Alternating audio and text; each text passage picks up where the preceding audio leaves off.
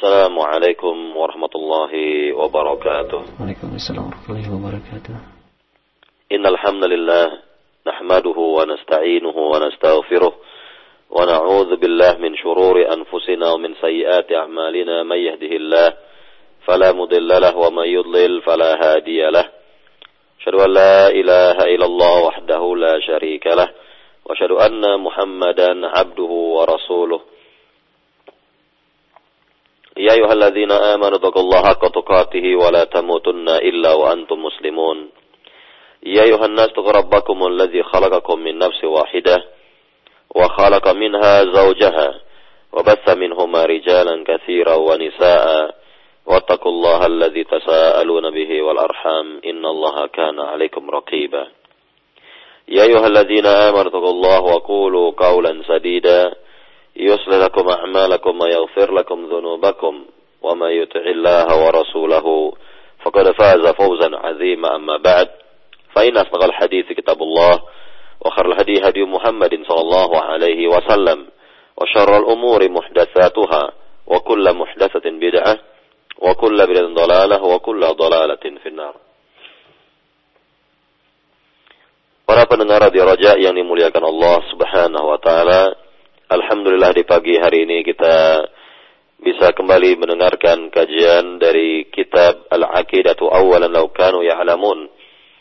Aqidah terlebih dahulu jika mereka mengetahuinya karya dari Syekh Salih Abdul Wahid hafizahullah taala yang telah kita jelaskan pada pembahasan e, minggu lalu atau yang terakhir adalah berkenaan dengan rukun iman yang kedua rukun iman yang kedua yaitu al-imanu bil malaikah beriman kepada para malaikat yang telah kita jelaskan dalil-dalil berkenaan dengan keimanan kepada para malaikat kemudian berkenaan pula dengan sifat sifat mereka kemudian apa yang mereka lakukan maka ini telah kita jelaskan berdasarkan ayat Al-Quran Al-Karim dan juga hadis-hadis Nabi Shallallahu Alaihi Wasallam yang menerangkannya.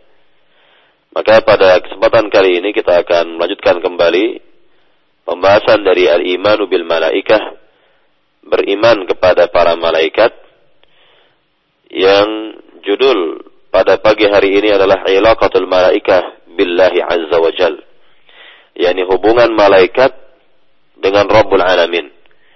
Hubungan malaikat dengan Allah Subhanahu wa taala. Ini yang kita akan jelaskan berdasarkan dalil-dalil dari Al-Quran dan hadis-hadis Nabi Shallallahu Alaihi Wasallam. Ini apa hubungan yang sangat erat antara Allah Subhanahu Wa Taala dengan para malaikat? Dan juga sebagian dan juga termasuk bantahan terhadap mereka-mereka yang memiliki pemahaman yang menyimpang, memiliki pemahaman yang tidak benar terhadap para malaikat yang dihubungkan dengan Rabbul Alamin subhanahu wa ta'ala. Para pendengar radio Roja yang dimuliakan Allah subhanahu wa ta'ala. Ilaqatul malaikatu billah. Ilaqatul malaikati billah. Hubungan malaikat dengan Rabbul Alamin adalah hubungan antara makhluk dengan sang pencipta. Dengan Allah subhanahu wa ta'ala. Ini adalah hubungan sekali lagi antara makhluk dengan Rabbul Alamin Allah Subhanahu wa taala di mana orang-orang jahiliyah meyakini bahwa Allah Subhanahu wa taala memiliki anak dan lebih-lebih mereka meyakini bahwa para malaikat itu adalah anak-anak perempuannya Allah Subhanahu wa taala orang-orang musyrikin dahulu, orang-orang jahiliyah dahulu memiliki pemahaman demikian dan ini adalah tidak benar. Ini hasil pemikiran mereka semata. Hasil dari pemikiran mereka yang rusak. Maka tidak dibenarkan atau tidak pernah Rabbul Alamin memiliki anak. Allah Subhanahu wa taala menjelaskan hal ini di dalam sekian ayat Al-Quran. Misalnya kita lihat dalam surat Al-Anbiya, dalam surat Al-Anbiya ayat 26 sampai 27 di mana Allah Subhanahu wa taala berfirman, "Wa qalu ittakhadha ar-rahman walada." Subhanah, bal ibadun mukram, mukramun. La yasbiqunahu bil qawli wa hum bi. Ya artinya mereka berkata, yakni orang-orang jahiliyah, orang-orang musyrikin itu mereka berkata bahwa Ar-Rahman, ini Allah yang Maha Pemurah memiliki anak. Subhanah Allah katakan, yakni Allah katakan tentang dirinya subhanah, yakni Maha suci, suci Allah dari yang demikian. Bal ibadum mukramun. Bahkan para malaikat itu adalah hamba-hamba yang mulia, hamba-hamba Allah yang mulia. Nah, ini ayat yang menjelaskan bahwa orang-orang musyrikin dahulu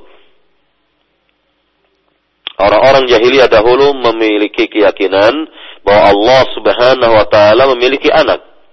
Maka Allah bantah Allah Subhanahu wa taala membantahnya. Allah Subhanahu wa taala mensucikan dirinya dari memiliki anak dengan ucapan Rabbul Alamin sendiri, Subhanah. Maha suci Allah dari yang demikian. Jadi Allah maha suci dari memiliki anak. Allah subhanahu wa ta'ala tidaklah memiliki anak dan jika Allah dikatakan memiliki anak justru ini adalah sifat kurang bagi Rabbul Alamin. Sifat kurang bagi Allah subhanahu wa ta'ala dan Allah nyatakan lebih lanjut bal ibadum mukramun akan tetapi para malaikat itu adalah hamba-hamba yang mulia. Hamba-hamba Allah yang mulia. Ini adalah keterangan dari Allah Subhanahu wa taala sendiri. Allah bantah keyakinan kaum musyrikin. Allah talak apa yang diyakini oleh orang-orang jahiliyah tersebut. Dan pada ayat berikutnya Allah katakan la yasbiqunahu bil qawli wa hum bi amrihi ya'malun. Yani para malaikat itu tidaklah mendahulukan Allah Subhanahu wa taala dengan ucapan dan mereka mengerjakan apa yang diperintah oleh Allah Subhanahu wa taala. Ini bisa kita lihat tentang sifat malaikat yang luar biasa taat kepada Rabbul Alamin, taat kepada Allah Subhanahu wa taala, tidak pernah membangkang, tidak pernah menolak apa yang diperintah oleh Allah Subhanahu wa taala. Senantiasa mengerjakan apa yang diperintah oleh Rabbul Alamin, Allah Subhanahu wa taala para pendengar di Raja yang dimulakan Allah Subhanahu wa taala, kita lihat sekarang dalil yang kedua yang menjelaskan tentang keyakinan orang-orang musyrikin dahulu bahwa Allah Subhanahu wa taala memiliki anak perempuan kata mereka. Allah berfirman dalam surat Az-Zukhruf ayat 19. وَجَعَلُوا الْمَلَائِكَةَ الَّذِينَ هُمْ عِبَادُ الرَّحْمَنِ إِنَاثًا asyahidu khalqahum satuktabu syahadatuhum wa yus'alun. Artinya, dan mereka menjadikan para malaikat yang sebenarnya mereka para malaikat itu adalah hamba-hamba Allah yang maha pemurah. Mereka jadikan para malaikat adalah inasa, yakni anak-anak perempuan bagi Allah Subhanahu wa taala. Dan Allah bantah di sini dengan ucapannya langsung, dengan firmannya langsung, asyahidu khalqahum, apakah mereka menyaksikan tentang penciptaan para malaikat itu? Satu tabu syahadatuhum. Bahwa persaksian mereka itu kelak akan ditulis akan ditulis oleh Allah Subhanahu wa taala dan kelak akan ditanya wa yusalun? Akan ditanya kelak di negeri akhirat apa yang mereka nyatakan? Apa yang mereka yakini? Bahwa para malaikat kata mereka adalah anak-anak perempuan Allah Subhanahu wa taala. Jadi inilah keyakinan orang-orang jahiliyah dahulu. Dan telah kita jelaskan pada pembahasan e, terakhir pembahasan yang lalu tentang e, malaikat bahwa mereka tidaklah berjenis kelamin perempuan dan tidak pula laki-laki. Tentunya e, kita imani apa yang uh, Allah terangkan dalam Al-Quran, apa yang diterangkan Rasulullah Sallallahu Alaihi Wasallam dalam hadis-hadisnya yang sahih.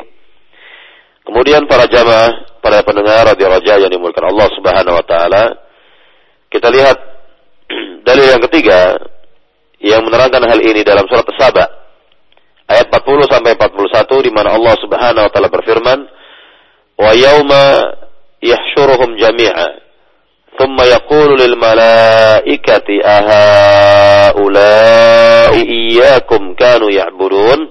Qalu subhanak anta waliyuna min dunihim bal kanu ya'budun al jinn aktsaruhum bihim mu'minun.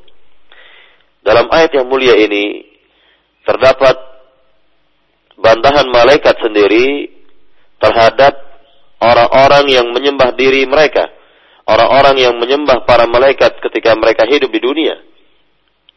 yakni pada ayat yang ke-40 dalam surat Sabah Allah Subhanahu wa taala mengatakan wa yauma yahsyuruhum jami'a. Dan dan pada hari mereka dikumpulkan seluruhnya yakni di negeri akhirat thumma yaqulu lil malaikah kemudian dikatakan kepada para malaikat aha ulai iyyakum kanu ya'budun? Apakah mereka-mereka itulah apakah mereka-mereka itu yang menyembah kalian selama ini? Ya iyyakum kanu ya'budun. Apakah mereka-mereka itu yakni kaum musyrikin itulah yang selama ini menyembah kalian maka dikatakan qalu mereka berkata ini para malaikat sendiri yang mengatakan di sini dalam firman Allah Subhanahu wa taala, Subhanak, Maha suci Engkau ya Allah, anta waliyuna min dunihim. Engkau adalah ya penolong ya, kami selain dari diri mereka atau engkau adalah penolong bagi kami bal kanu ya'buduna al-jinna melainkan mereka itu adalah para penyembah jin atau uh, para hamba yang menyembah jin aktsaruhum bihim mu'minun dan mereka beriman kepada jin tersebut. Nah, inilah yang dikatakan oleh uh, para malaikat. Mereka membantah bahwa mereka uh, dijadikan sebagai objek untuk disembah, dijadikan dijadikan sebagai objek untuk disembah oleh orang-orang musyrikin dan para malaikat berlepas diri dari penyembahan tersebut. Maka ini bisa kita lihat dari uh, firman Allah Subhanahu wa taala tadi yang menerangkan tentang bantahan para malaikat dan kelak malaikat akan berkata seperti ini di negeri akhirat di hadapan Rabbul Alamin dan hal ini juga yang akan e, dinyatakan oleh Nabi Isa alaihissalam kelak di negeri akhirat bahwa Nabi Isa berlepas diri dari orang-orang yang menyembah dirinya. Nabi Isa alaihissalam kelak di negeri akhirat akan berlepas diri dari orang-orang yang menyembahnya. Yani Nabi Isa menolak Nabi Isa ya, menolak dari penyembahan Ya, orang-orang tersebut terhadap dirinya sebagaimana Allah Subhanahu wa taala berfirman e, dalam surat Al-Maidah ayat 116 berkenaan dengan hal ini. Allah Subhanahu wa taala berfirman wa id qala Allah ya Isa ibn Maryam a anta qulta lin nas wa ummi ilahaini min dunillah? Qala subhanak ma yakunu li an aqula ma laysa li bihaq. In kuntu qultuhu faqad alimta. Ta'lamu ma fi nafsi wa la a'lamu ma fi nafsik. Innaka anta 'allamul ghuyub. Ya artinya dan ingatlah ketika Allah berkata kepada Isa bin Maryam apakah engkau pernah mengatakan kepada manusia jadikanlah diriku dan ibuku dua Tuhan yang patut disembah selain dari Allah? Maka Isa berkata di sini, Subhanak, Maha suci engkau ya Allah. Ma yakunu li an aqula ma laysa li bihaq. Tidak pantas bagi diriku untuk berkata tentang suatu yang tidak atau yang bukan menjadi hak diriku, menjadi hak bagi diriku. In kuntu qultuhu faqad alimta. Jika aku telah mengatakan yang seperti itu, pasti engkau telah mengetahuinya. Ta'lamu ma fi nafsi. Engkau mengetahui apa yang ada pada diriku, wala a'lamu ma fi nafsik. Namun aku tidak mengetahui apa yang ada pada dirimu, ya Allah. Innaka anta 'allamul ghuyub. Sungguhnya engkau Maha mengetahui Nah ini yang akan dikatakan nanti oleh Nabi Isa alaihissalam kelak di negeri akhirat terhadap orang-orang yang menyembah dirinya selama ini.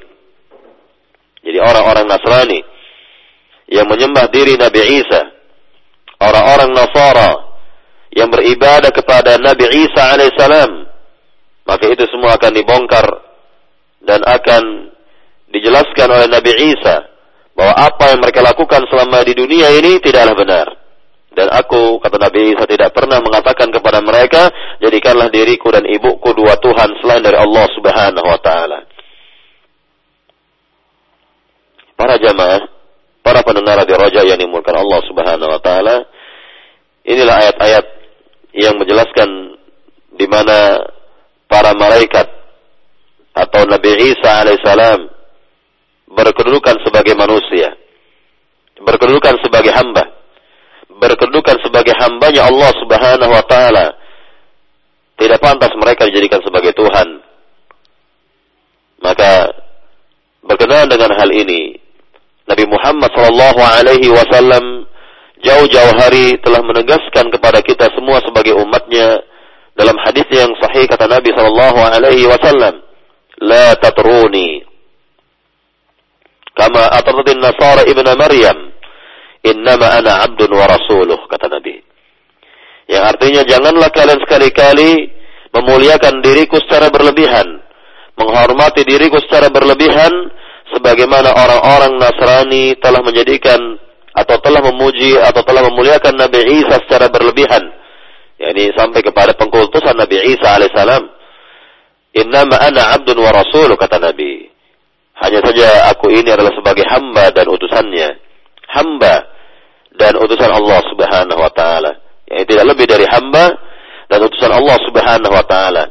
Maka kalau dikatakan Nabi Muhammad sebagai seorang hamba, maka tidak boleh kedudukannya dinaikkan sebagai uh, pencipta, sebagai ilah, sebagai sembahan ya yang patut untuk disembah selain dari Allah Subhanahu wa taala karena Nabi hanyalah sebagai seorang hamba dan tidak lebih dari itu. Nabi beribadah kepada Allah dan bukan untuk diibadahi. Nabi Muhammad Shallallahu Alaihi Wasallam berkedudukan sebagai hamba.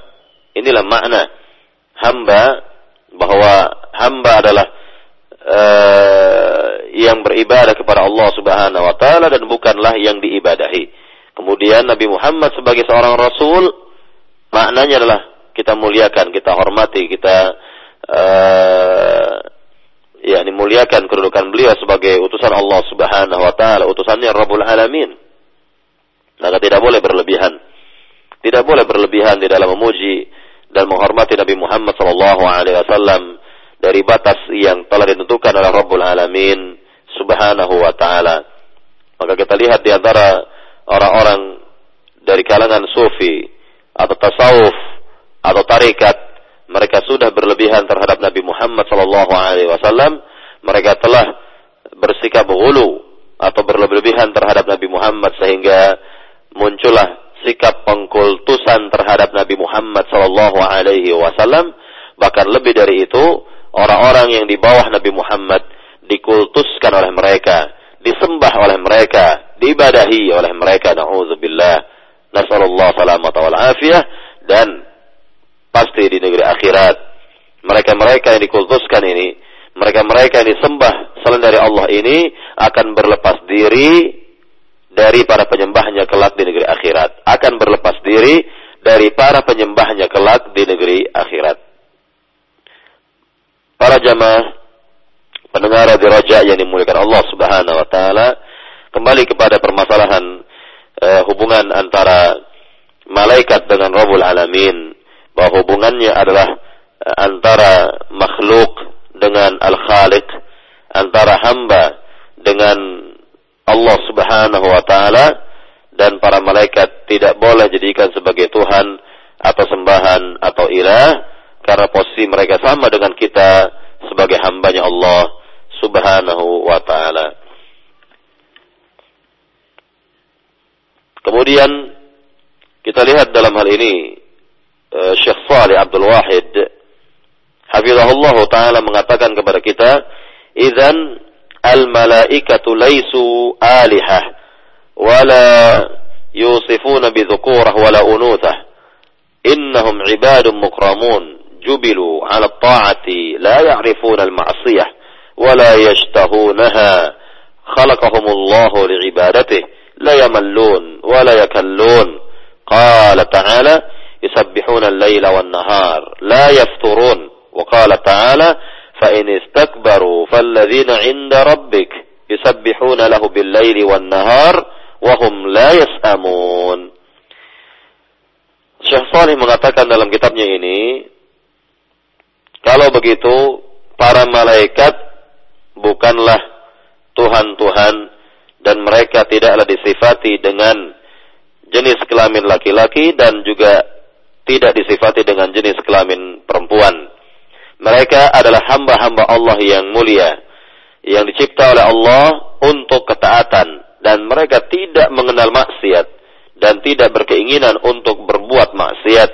Allah ciptakan mereka untuk beribadah kepada Allah tanpa yakni e, kebosanan yang yang ada tanpa rasa bosan dan tidak pernah berputus asa dari e, beribadah kepada Allah Subhanahu wa taala sebagaimana Allah berfirman dalam surat Al-Anbiya ayat 20 yusabbihuna al-laila wan nahar la yafturun.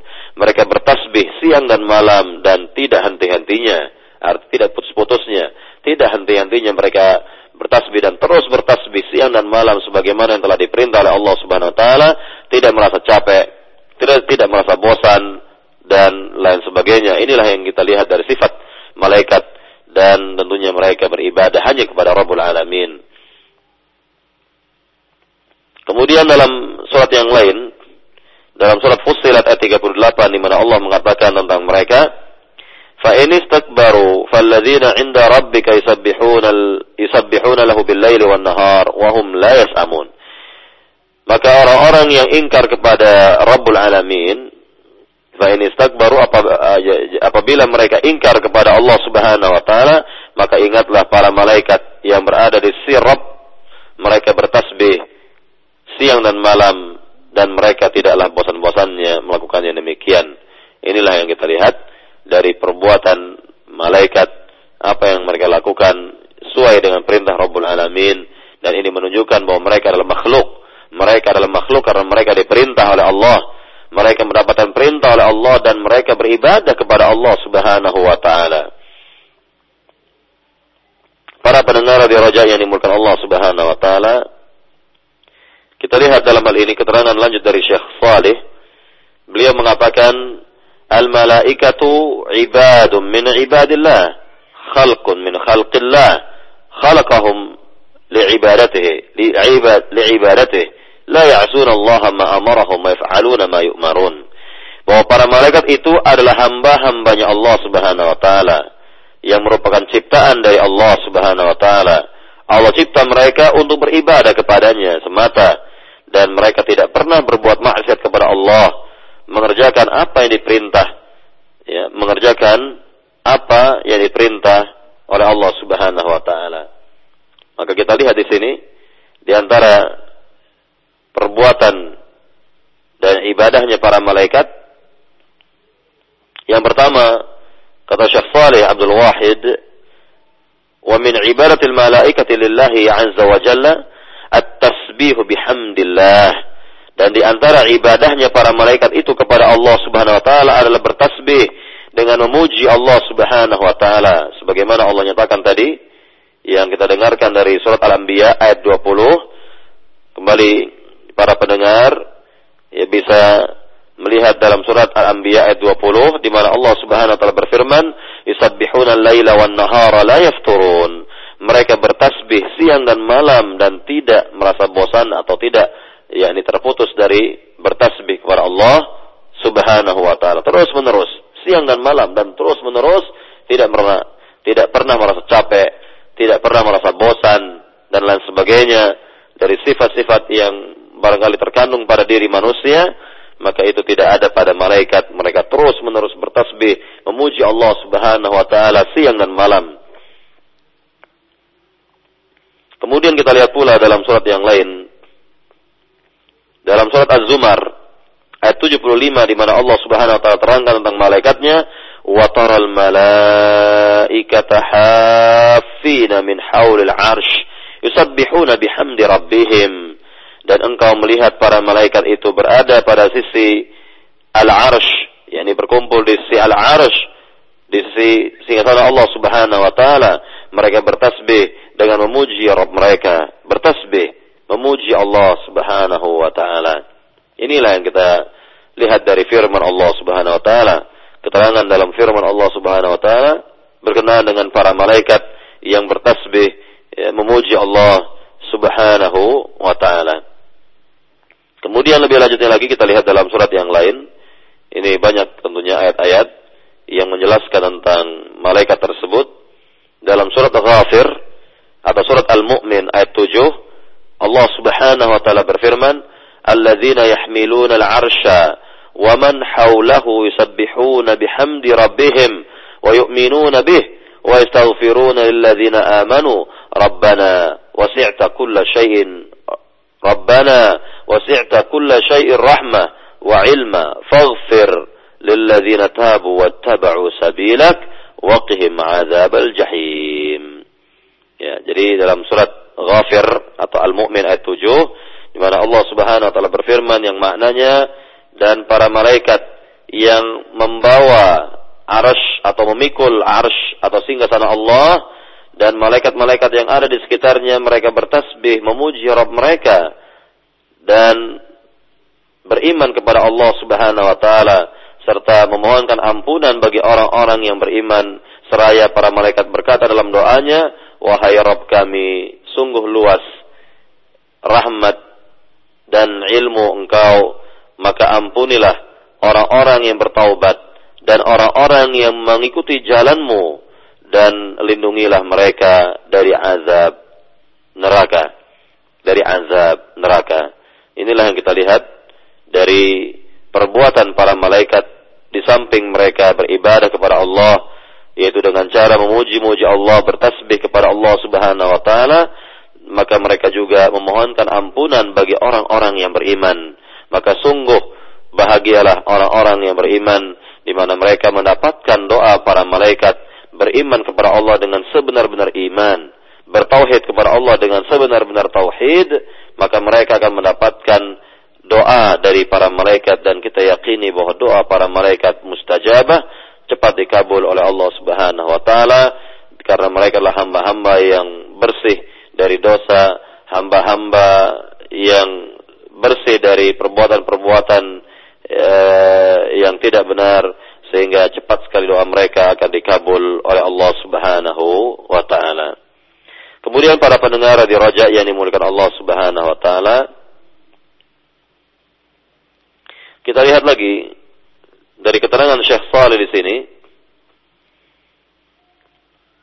Beliau mengatakan al-malaikatu yusabbihuna bil-laili wan-nahar wa nahnu ma'syara bani Adam munshagilina bil-qil wal-qal wal-ghibati wan-namimah الله أمر رسوله أن يسبحه فقال تعالى لرسوله وتوكل وتوكل على الحي الذي لا يموت وسبح بحمده وكفى به بذنوب عباده خبيرا ya artinya bahwa para malaikat yang sibuk dengan bertasbih kepada Allah siang dan malam, namun kita sebagai manusia sibuk atau tersibukkan dengan ucapan qila dan qal, ini ucapan ya, yakni yang tidak benar, berita burung atau kabar-kabar yang tidak benar, ya. Kemudian kita pun disibukkan dengan gosip atau menceritakan aib orang dan mengadu domba sedangkan Allah Subhanahu wa taala kata Syekh di sini telah memerintahkan kepada Rasulullah SAW untuk bertasbih kepadanya sebagaimana Allah katakan kepada nabinya dalam surat Al-Furqan ayat 58 wa tawakkal 'alal hayyil ladzi la yamut dan bertawakallah engkau wahai Muhammad kepada zat yang hidup ya, atau yang maha hidup dan tidak akan mengalami kematian. Wasabbih bihamdih dan uh, yakni bertasbihlah dengan muji Rabb memuji Allah Subhanahu wa taala. Wa kafa bihi bi dzunubi ibadi khabira dan cukuplah Allah yakni mengetahui tentang dosa dan kesalahan para hamba Nah, inilah yang kita lihat dari perintah Rabbul Alamin kepada Nabi yang mulia untuk bertasbih, memuji Allah Subhanahu wa taala, maka hendaknya lisan kita kita biasakan untuk bertasbih, ya, memuji Allah Subhanahu wa taala, misalnya dalam uh, kendaraan atau dalam perjalanan di rumah, di kantor dan lain sebagainya kita biasakan lisan kita ini untuk berzikir, bertasbih, ya memuji Allah Subhanahu wa taala sebagaimana contoh dari para malaikat dan juga contoh dari Rasulullah sallallahu alaihi wasallam dan Nabi yang mulia sallallahu alaihi wasallam juga menjelaskan tentang dua uh, kalimat uh, tasbih atau dua kalimat uh, zikir yang sangat berat timbangan dari Allah Subhanahu wa taala yang dapat kita ucapkan dalam kehidupan ini. Nabi sallallahu alaihi wasallam bersabda, kalimatan khafifatan 'ala lisan thaqilatan fil mizan habibatan ila rahman subhanallah wa bihamdi subhanallahil azim. Kata Nabi ada dua kalimat yang ringan diucapkan dengan lisan namun berat timbangannya di negeri akhirat dan sangat dicintai oleh Allah yang Maha Pemurah yaitu kalimat subhanallah bihamdi. Ini yang pertama. Subhanallah bihamdi. Kemudian yang kedua subhanallahil azim. Sekali lagi, dua kalimat ini adalah yang pertama subhanallah wa bihamdi, yang artinya maha suci Allah dan segala puji baginya. Kemudian kalimat yang keduanya subhanallahil azim, maha suci Allah yang maha agung. Ini bisa kita ucapkan para jamaah, para pendengar juga bisa berzikir dengan eh, zikir seperti ini yang sangat sangat dicintai oleh Allah Subhanahu wa taala karena di dalamnya terkandung uh, pensucian diri Allah Subhanahu wa taala dari berbagai macam kekurangan, pensucian diri Allah Subhanahu wa taala dari berbagai macam aib. Dan inilah yang kita yakini bahwa Allah bersih dari kekurangan-kekurangan, bahwa Allah Maha sempurna, Allah Subhanahu wa taala tidaklah memiliki aib, ya, tidaklah memiliki kekurangan. Jadi sekali lagi, kalimat tersebut adalah subhanallahi wa bihamdih subhanallahil azim. Nah ini bisa kita ulang-ulang ya sesuai dengan keinginan kita dan tidak boleh membatasinya dengan jumlah atau bilangan-bilangan tertentu karena tidak ada dalil yang menerangkannya. Cukup kita ulang-ulang kalimat tersebut subhanallahi wa bihamdih subhanallahil azim subhanallahi wa bihamdih subhanallahil azim. Para pendengar radio Raja yang dimulakan Allah Subhanahu wa taala, ya, kita lihat di sini keterangan lebih lanjut dari Syekh Saleh. Yang kedua dari ibadahnya para malaikat kepada Rabbul Alamin. Kalau tadi yang pertama adalah mereka atau ada di antara mereka yang e, beribadah kepada Allah itu dengan cara bertasbih, memuji Allah Subhanahu wa taala, maka ada pula ya yang dikatakan di sini as-sujudu wal istifaf, yaitu mereka melakukan sujud untuk Rabbul Alamin sujud kepada Allah Subhanahu wa taala. Dikatakan di sini oleh Nabi yang mulia sallallahu alaihi wasallam, ada dalil yang uh, sahih dari Nabi sallallahu alaihi wasallam. Nabi mengatakan, "Atasma'una ma asma'?" Qalu, "Ma nasma' min syai'." Faqala sallallahu alaihi wasallam, "Inni la asma' atita as-sama' wa haqqun laha an ta'it wa ma fiha mawdi'u shibrin wa 'alaihi malakun sajid aw qa'im." Kata Nabi Shallallahu kepada para sahabatnya, apakah kalian mendengar suara? Apakah kalian mendengar satu suara? Kemudian para sahabat menjawab, kami tidak mendengar apa-apa wahai Rasul. Apa kata Nabi SAW? Sungguhnya aku mendengar suara di langit dan benar adanya suara tersebut di langit dan tidaklah ada di langit tersebut ya yakni tempat barang satu jengkal melainkan padanya ada malaikat yang sujud atau berdiri. Melainkan ada di antara uh, melainkan ada pada uh, uh, tempat tersebut yakni malaikat yang sujud kepada Allah Subhanahu wa taala dan dalam posisi berdiri.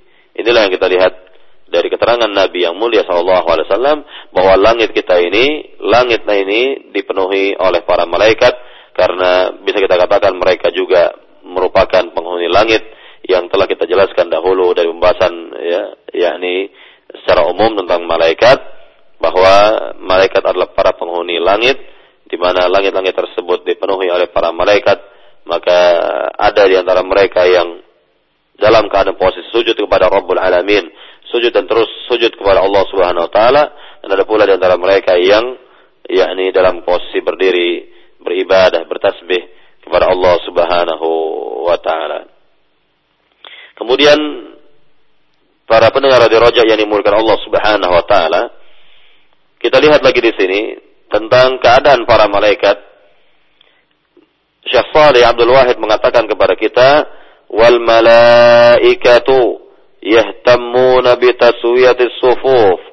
ولذلك أخبرنا ربنا jalla wa ala 'anil malaikati wa hum yaqulun wa inna la nahnu saffun Beliau mengatakan bahwa para malaikat juga memiliki perhatian yang besar terhadap taswiat di sufuf, yakni merapikan saf, lurus safnya para malaikat, ya rapat safnya para malaikat, Inilah yang dijelaskan oleh Rabbul Alamin ya tentang mereka di mana mereka sendiri berkata, yakni para malaikat berkata dalam firman Allah Subhanahu wa taala dalam surat As-Saffat ayat 165 mereka berkata dalam firman Allah wa inna lanahnu saffun sungguhnya kami kata para malaikat yakni berbaris atau bersaf-saf dengan saf-saf yang rapi dengan saf-saf yang baik. Nah inilah yang kita lihat contoh dari para malaikat. Mereka jika berbaris jika berada pada saf, maka saf mereka sangatlah rapih, sangatlah lurus, dan tentunya eh, apa yang diperbuat oleh malaikat ini kita terapkan dalam kehidupan kita di dunia, yakni dalam sholat berjamaah kita, hendaknya kita luruskan saf, kita luruskan, sama-sama kita luruskan saf, kita rapatkan saf, sebagaimana safnya para malaikat, ya, sebagaimana safnya para malaikat. Nah, dalam hal ini Nabi Shallallahu Alaihi Wasallam ya mengatakan kepada kita dalam hadis yang dalam hadis yang diriwayatkan oleh Imam Muslim Nabi Shallallahu Alaihi Wasallam mengatakan ala tasuffuna kama tasufful malaika inda rabbiha qalu wa kaifa tasufful malaika inda rabbiha qala ya yatamuna as-sufuf al-awwal wa yatarasawna fi as-saffi rawahu Muslim. Nabi sallallahu alaihi wasallam mengatakan kepada para sahabatnya, ya, maukah kalian bersaf-saf sebagaimana safnya para malaikat di sisi Rabbnya? Kemudian mereka bertanya ini para sahabat bertanya bagaimana safnya para malaikat itu di sisi Allah Subhanahu wa taala? Nabi menjelaskan di sini bahwa mereka merapikan saf, meluruskan saf ya dari saf yang pertama dan seterusnya. Dan tentunya inilah safnya para malaikat yang benar, yang rapi, yang bagus.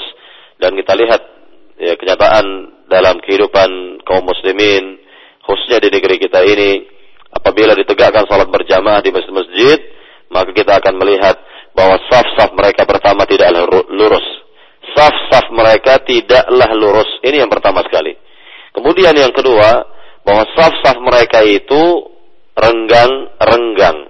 Yang tidak merapatkan saf atau tidak merapatkan antara ya bahu kita dengan bahu teman kita yang ada di samping kanan kiri dan inilah yang kita lihat kebanyakan dari kaum muslimin tidaklah peduli terhadap saf-saf ini dan sebenarnya ibadah salat berjamaah adalah gambaran tentang keadaan umat Islam. Ibadah salat berjamaah adalah gambaran tentang keadaan umat Islam. Yani apabila umat Islam melakukan salat berjamaah dengan saf yang baik, dengan saf yang lurus, serta mereka rapat, saling rapat satu dengan yang lain, maka ini menunjukkan bahwa persatuan umat ini baik. Persatuan umat ini baik dan jika dalam keadaan seperti ini kita lihat fenomena di tengah masyarakat seperti ini, ini menunjukkan bahwa kurangnya persatuan di antara mereka, kurangnya persatuan di antara mereka karena mereka masing-masing berada pada uh, tempatnya dan tidak meluruskan saf, tidak merapikan saf dan tidak pula merapatkan saf-saf tersebut sehingga terdapat celah celah-celah dan tentunya inilah yang disukai oleh para oleh syaitan, disukai oleh syaitan agar saf-saf uh, kaum muslimin tidaklah rapat, saf-saf kaum muslimin tidaklah lurus dan tidak mencontoh kepada safnya para malaikat. Dengan demikian hendaknya kita mengambil pelajaran berharga dari safnya para malaikat, safnya para malaikat yang rapi, yang lurus dan Nabi Shallallahu Alaihi Wasallam tentunya sering mem, uh, yakni mengabarkan dan memerintahkan kepada para sahabat agar mereka merapatkan saf, meluruskan saf, merapikan saf dan tentunya ini merupakan kewajiban seorang imam untuk menegur, untuk yakni memerintahkan kepada makmumnya, para makmum makmumnya untuk meluruskan saf, merapatkan saf salat mereka. Para pendengar di rojak yang dimulakan Allah Subhanahu wa taala, nah, ini yang kita lihat dari perbuatan para malaikat yang luar biasa yang hendaknya kita contoh dalam kehidupan kita ya yakni lebih uh, lebih-lebih dalam uh, ibadah salat tersebut. Kemudian kita lihat yang berikutnya lagi dari perbuatan dan ibadahnya para malaikat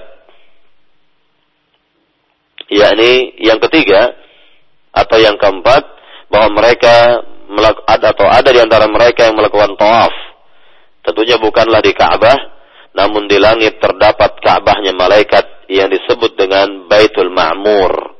Dikatakan oleh Syafal di sini, "Wa min ibadatil malaikati li rabbiha al-hajj, walakin la la yahujjun ila al-bait al-haram fi al-ardi, ولكنهم يهجون إلى البيت المعمور في السماء الذي أقسم الله به في كتابه فقال تعالى والبيت المعمور ثم يقول صلى الله عليه وسلم ثم رفع بي أو ثم رفع بي إلى البيت المعمور وإذا هو يدخله كل يوم أو كل يوم سبعون ألفا لا يعودون إليه آخر ما عليهم رواه البخاري ومسلم Syafari mengatakan kepada kita bahwa di antara ibadahnya para malaikat itu adalah mereka mengerjakan haji di langit. Artinya mereka tawaf pada Baitul Ma'mur, Ka'bahnya malaikat.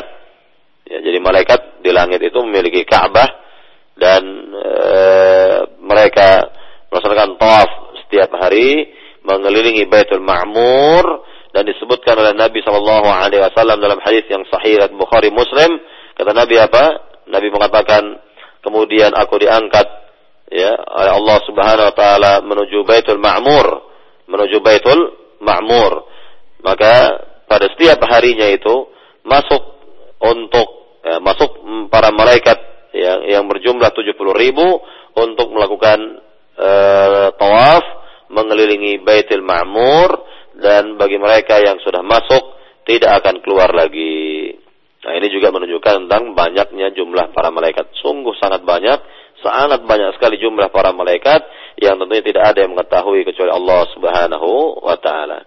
Jadi di di langit tersebut terdapat e, Ka'bahnya malaikat Adapun di bumi terdapat Ka'bahnya kaum muslimin, Ka'bahnya orang-orang yang beriman, ya, dan ini merupakan keutamaan yang Allah e, berikan kepada malaikat di langit dan juga kepada orang-orang yang beriman di muka bumi ini.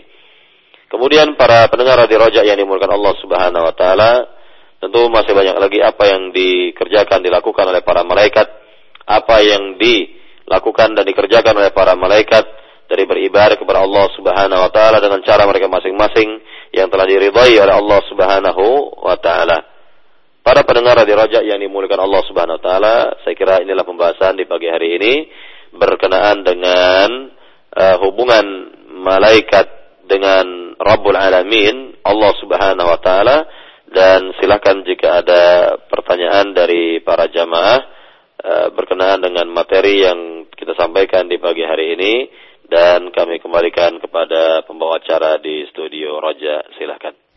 Nah, sekarang jazakallahu khairan. Barakallahu fiqh para Ustaz yang sudah berikan pembahasan yang sangat bermanfaat bagi kita semua. Dan selanjutnya kami buka sesi tanya jawab bagi Anda yang ingin bertanya. Silakan Anda yang ingin bertanya langsung di 0218236543 Atau di pesan singkat di 0819896543 Dan kami harapkan pertanyaan disesuaikan dengan pembahasan kita di kesempatan pagi hari ini Untuk kesempatan pertama kami berikan di line telepon di 02182365 6543. Ya, mohon maaf terputus. Silahkan kepada pendengar yang ingin bertanya langsung di 021 823 6543 yang ingin bertanya kepada Al Ustaz di kesempatan pagi hari ini. Ya, halo. Halo. Assalamualaikum. Ya, mohon maaf terputus kembali. Sebelumnya akan kita angkat pertanyaan melalui pesan singkat. Ya, ada pertanyaan Ustadz dari Bapak Nazar di Cibinong Keranji. Assalamualaikum warahmatullahi wabarakatuh. Ustadz, bagaimana kita menghindari tasbih ketika bertemu dengan ayat-ayat seperti kursi, singgah sana, dan yang seperti itu sementara ada dalil yang menjelaskan bahwa kursi Allah e, seluas langit dan bumi, maka singgah singgasan Allah tentu lebih luas dari kursinya. Ketika Allah mensifati kursinya tersebut, kita memahami langit dan bumi dengan panca indera kita dan sepertinya akan terjawab ke dalam tasbih. Dan bagaimana dengan pernyataan hal ini Ustaz? Silakan. Iya, tentang perkara-perkara gaib makhluk-makhluk Allah yang e, tidak pernah kita lihat tidak pernah atau tidak akan bisa kita lihat dengan mata kita yang terbatas ini, maka cukup kita imani berdasarkan dalil-dalil saja. Cukup kita imani keberadaannya berdasarkan dalil-dalil baik dari Al-Quran maupun dari hadis-hadis Nabi SAW dan tidak melebihi dari apa yang diterangkan dalam Al-Quran dan hadis Nabi. Kemudian pula tidak uh, tidak pula kita dibebankan untuk memikirkannya. Tidak pula kita dibebankan untuk memikirkannya.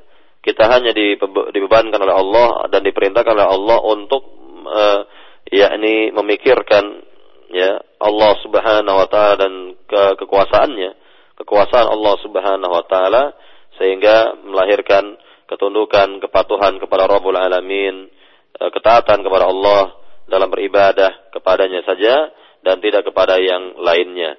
Nah, inilah yang uh, yakni bisa kita lihat ya dari juga mungkin keterangan dari para ahli ilmu yang demikian baiknya dan tentunya tidak dibenarkan kita untuk uh, uh, apa namanya uh, memikirkan ya atau membayang-bayangkan bagaimana kursinya Allah itu yang dikatakan uh, seluas langit dan bumi dan tentunya tentang arsh atau singgasana Allah itu. Lebih dari itu ya tentunya tidak akan terjangkau dengan akal kita yang terbatas ini.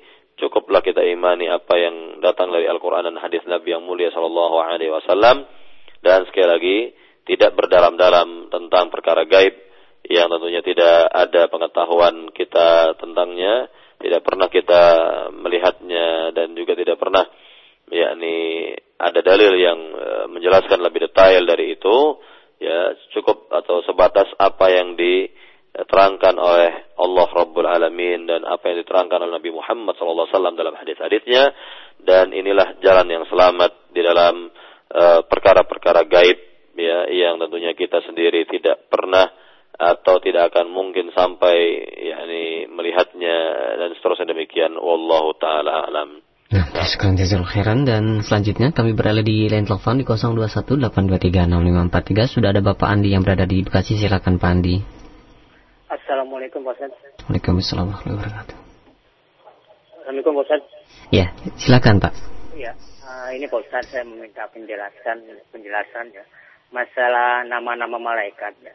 Waktu kecil kita pernah diajarkan menghafal nama-nama malaikat ya 10 itu Nah, ternyata ada yang sohe dan ada yang tidak. Nah, saya meminta penjelasannya masalah masalah malaikat yang dinamakan malaikat Israel itu kan malaikat pencabut nyawa. Nah kata Israel ini diambil dari nas nas yang mana gitu. Pak Ustaz, dulu kan kita hanya masih kecil hanya diajarkan gitu ya.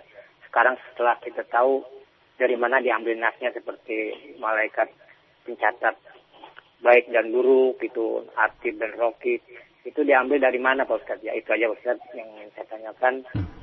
Uh, terima kasih. Wassalamualaikum warahmatullahi wabarakatuh. Waalaikumsalam warahmatullahi wabarakatuh. Silakan Ustaz.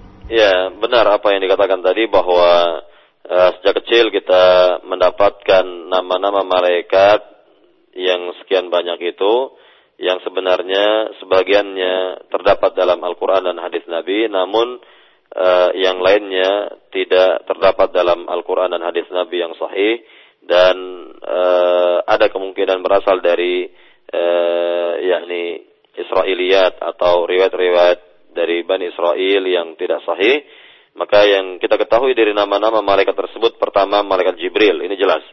Malaikat yang membawa wahyu yang ditugaskan, diamanahkan oleh Allah Subhanahu wa taala untuk menyampaikan wahyu kepada para nabi, para rasul.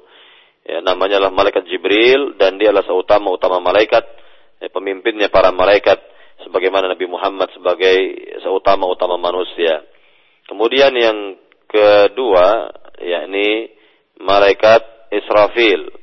Israfil ya, malaikat Israfil yang akan meniup sangkakala dan jika e, ia meniup sangkakala itu terjadilah kiamat.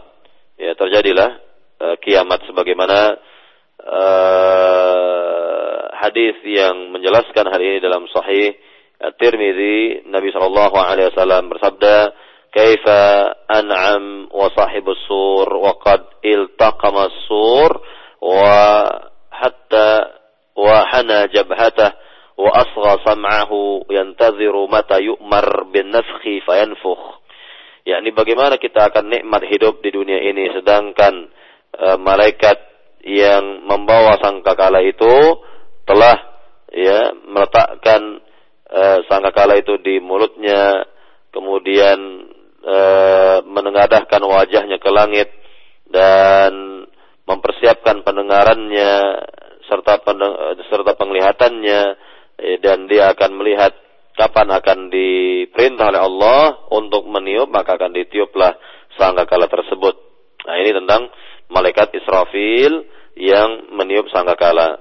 Kemudian malaikat yang berikutnya lagi uh, yang menjaga e, neraka seperti malaikat Malik misalnya atau malaikat yang bertanya di alam kubur malaikat Munkar Nakir e, atau e, malaikat kematian yang disebut dengan malakul maut. Ini cukup kita sebut malakul maut malaikat kematian dan tidak ada nama baginya atau tidak ada keterangan tentang nama baginya dalam Al-Quran dan hadis Nabi Shallallahu Alaihi Wasallam Eh, dan juga malaikat-malaikat lainnya yang disebut oleh Allah dalam Al-Quran dan hadis-hadis Nabi Shallallahu Alaihi Wasallam.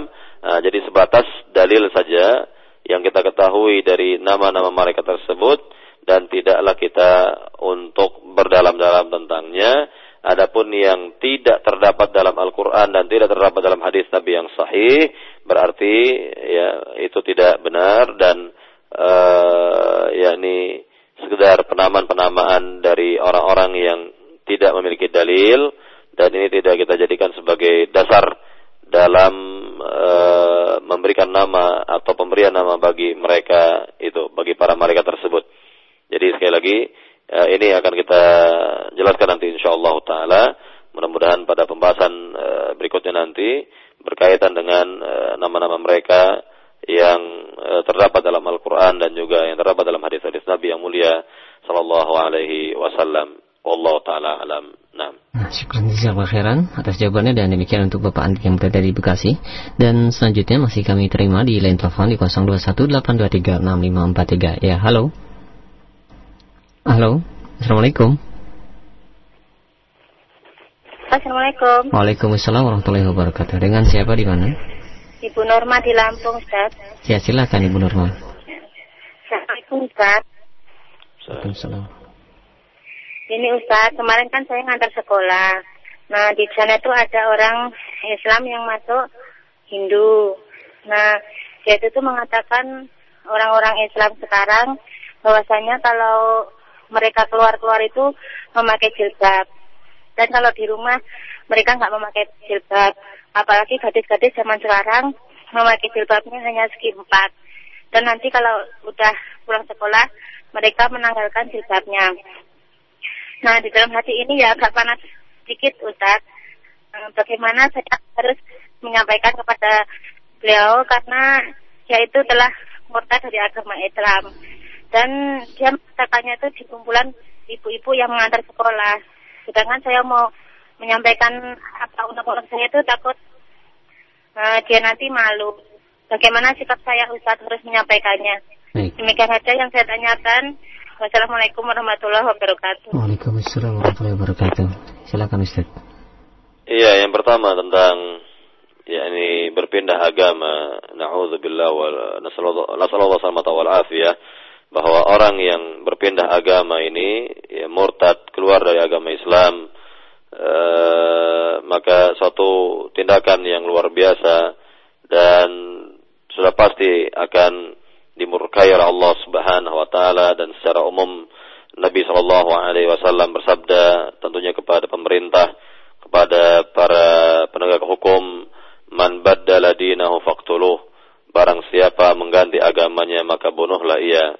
Nah ini ditujukan kepada pemerintah, kepada ulil amri tentunya untuk melaksanakan perintah Nabi Shallallahu Alaihi Wasallam. Dan ini menunjukkan bahwa hal ini adalah masalah yang besar, tidak main-main dan tentunya sangatlah merugi bagi mereka yang uh, asalnya bertauhid kepada Allah kemudian berbuat syirik kepada Allah Subhanahu wa taala sebagaimana Allah berfirman lain asyrakta la amaluka wa latakunanna minal khasirin. Jika engkau berbuat syirik, maka gugurlah dari pahala amalmu dan engkau kelak menjadi orang-orang yang merugi. Rugi. Rugi besar bagi mereka yang uh, na'udzubillah mempersekutukan Allah Subhanahu wa taala berbuat syirik kepada Allah Subhanahu wa taala dan tentunya ini adalah perbuatan atau kesalahan yang sangat-sangat fatal dan dosa-dosa yang terbesar yang tidak akan dimaafkan oleh Allah Subhanahu wa taala, yang tidak dimaafkan oleh Allah Subhanahu wa taala. Maka kalaulah kita hubungkan antara perbuatan orang tersebut ya yang meninggalkan agama Islam ke, kemudian dia murtad, naudzubillah, maka ini adalah perbuatan dosa yang paling besar yang tidak akan dimaafkan oleh Allah Subhanahu wa taala.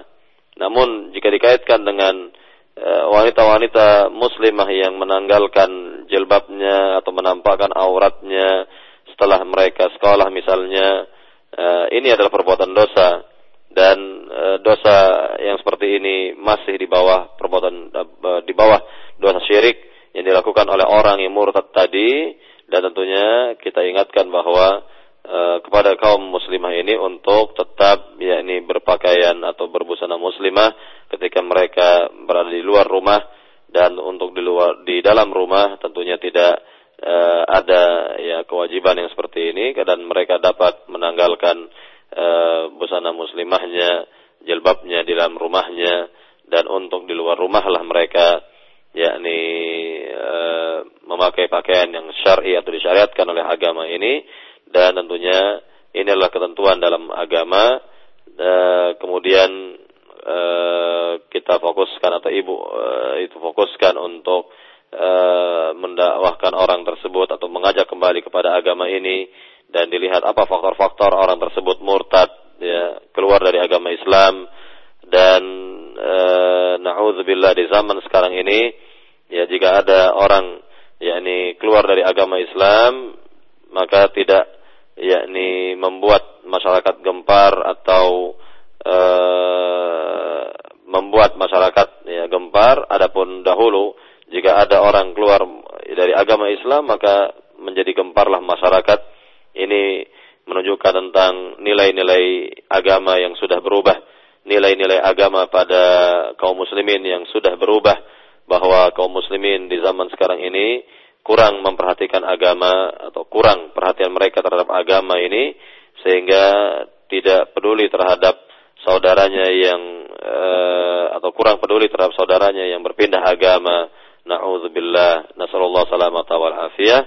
Dan tentunya sekali lagi dosa orang tersebut yang berpindah agama ini jauh lebih besar dan sangat-sangat besar daripada wanita yang menanggalkan jilbabnya namun wanita tersebut juga berdosa atau sama-sama berdosa ya, dan tentunya di kedua-duanya dinasehati kedua-duanya diberikan eh, ya nasihat agar eh, yang pertama tadi ya, yang murtad tadi kembali kepada agama Islam ya, dan juga para wanita muslimah itu menggunakan uh, pakaian muslimahnya di luar rumah ya dan tidak berjumpa dengan orang-orang yang bukan mahramnya kecuali dengan yakni menutup aurat menutup auratnya dengan berbusana yang syar'i yang telah ditentukan oleh Rasulullah sallallahu alaihi wasallam. Baik, mungkin hmm. satu lagi pertanyaan terakhir hmm, untuk kita di pagi hari ini. Ya, sekarang jazakallahu atas jawabannya demikian untuk Ibu Nurma yang berada di Lampung dan satu pertanyaan terakhir kami akan angkat di pesan singkat ada dua pertanyaan senada di antaranya dari Umu Umar yang berada di Depok dan Ibnu Musa yang berada di Bone. Assalamualaikum warahmatullahi wabarakatuh.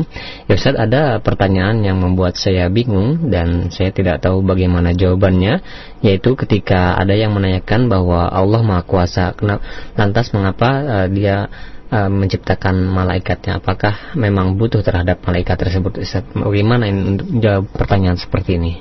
Baik. Ini pertanyaan bagus sekali, ya, pertanyaan yang bagus dan kita jawab pertanyaan ini bahwa Allah Subhanahu wa taala pertama maha kuasa. Allah Subhanahu wa taala e, maha sempurna. Allah Subhanahu wa taala ma, e, yakni maha segalanya artinya tidaklah membutuhkan makhluk. Allah Subhanahu wa taala tidaklah membutuhkan para pembantu. Allah Subhanahu wa taala tidak bisa disamakan dengan seorang raja di dunia atau presiden yang membutuhkan para pembantu atau menteri-menteri. Dan Allah Subhanahu wa taala mencipta para malaikat dengan hikmah yang besar, yaitu untuk menunjukkan kekuasaannya justru, untuk menunjukkan kesempurnaan Allah Subhanahu wa taala, untuk menunjukkan kekuatan Allah Subhanahu wa taala. Dan ini semua ya juga untuk kehidupan manusia bahwa para malaikat uh, yakni uh, memiliki hubungan yang sangat erat dengan manusia yang akan kita jelaskan insyaallah dari pembahasan khusus insyaallah dari uh, pertemuan berikutnya nanti tentang hubungan malaikat dengan manusia, hubungan malaikat dengan manusia. Maka yang jelas semuanya ini menunjukkan tentang kekuasaannya Rabbul Alamin, maha kesempurnaannya, maha sempurna Allah Subhanahu wa taala maha ya kuat Allah Subhanahu wa taala dan seterusnya dari sifat-sifat mulia Rabbul Alamin dan tidak menunjukkan kelemahan Allah, tidak menunjukkan ya yakni kebutuhnya Allah kepada para makhluk dan Allah sanggup e, mengatur alam semesta ini e, sanggup mengatur alam semesta ini tanpa ada malaikat, tanpa ada ya yakni makhluk-makhluk yang mulia ini yakni para malaikat dan sekali lagi tidaklah seperti yang dibayangkan oleh orang bahwa Allah uh, yakni lemah atau Allah itu butuh para pembantu ataupun yang lainnya. Ini tidak demikian. Jadi Allah Subhanahu wa taala mencipta malaikat itu justru sekali lagi menunjukkan kekuasaannya, kesempurnaannya, ya, keagungannya, kemuliaannya dan seterusnya demikian dari sifat-sifat yang mulia bagi Allah Subhanahu wa taala. Dan tentunya banyak hikmah yang terkandung pada penciptaan malaikat yang berhubungan dengan kehidupan manusia. Dan inilah yang akan kita terangkan nanti pada pembahasan yakni e, ke depan insyaallah taala. Dan mudah-mudahan apa yang disampaikan di pagi hari ini bermanfaat. Lebih kurangnya saya mohon maaf. Wallahu taala alam. Asnabina Muhammad walhamdulillah rabbil alamin. Subhanakallahumma bihamdika. Asyhadu la ilaha illa anta astaghfiruka wa atubu ilaik. Assalamu alaikum warahmatullahi wabarakatuh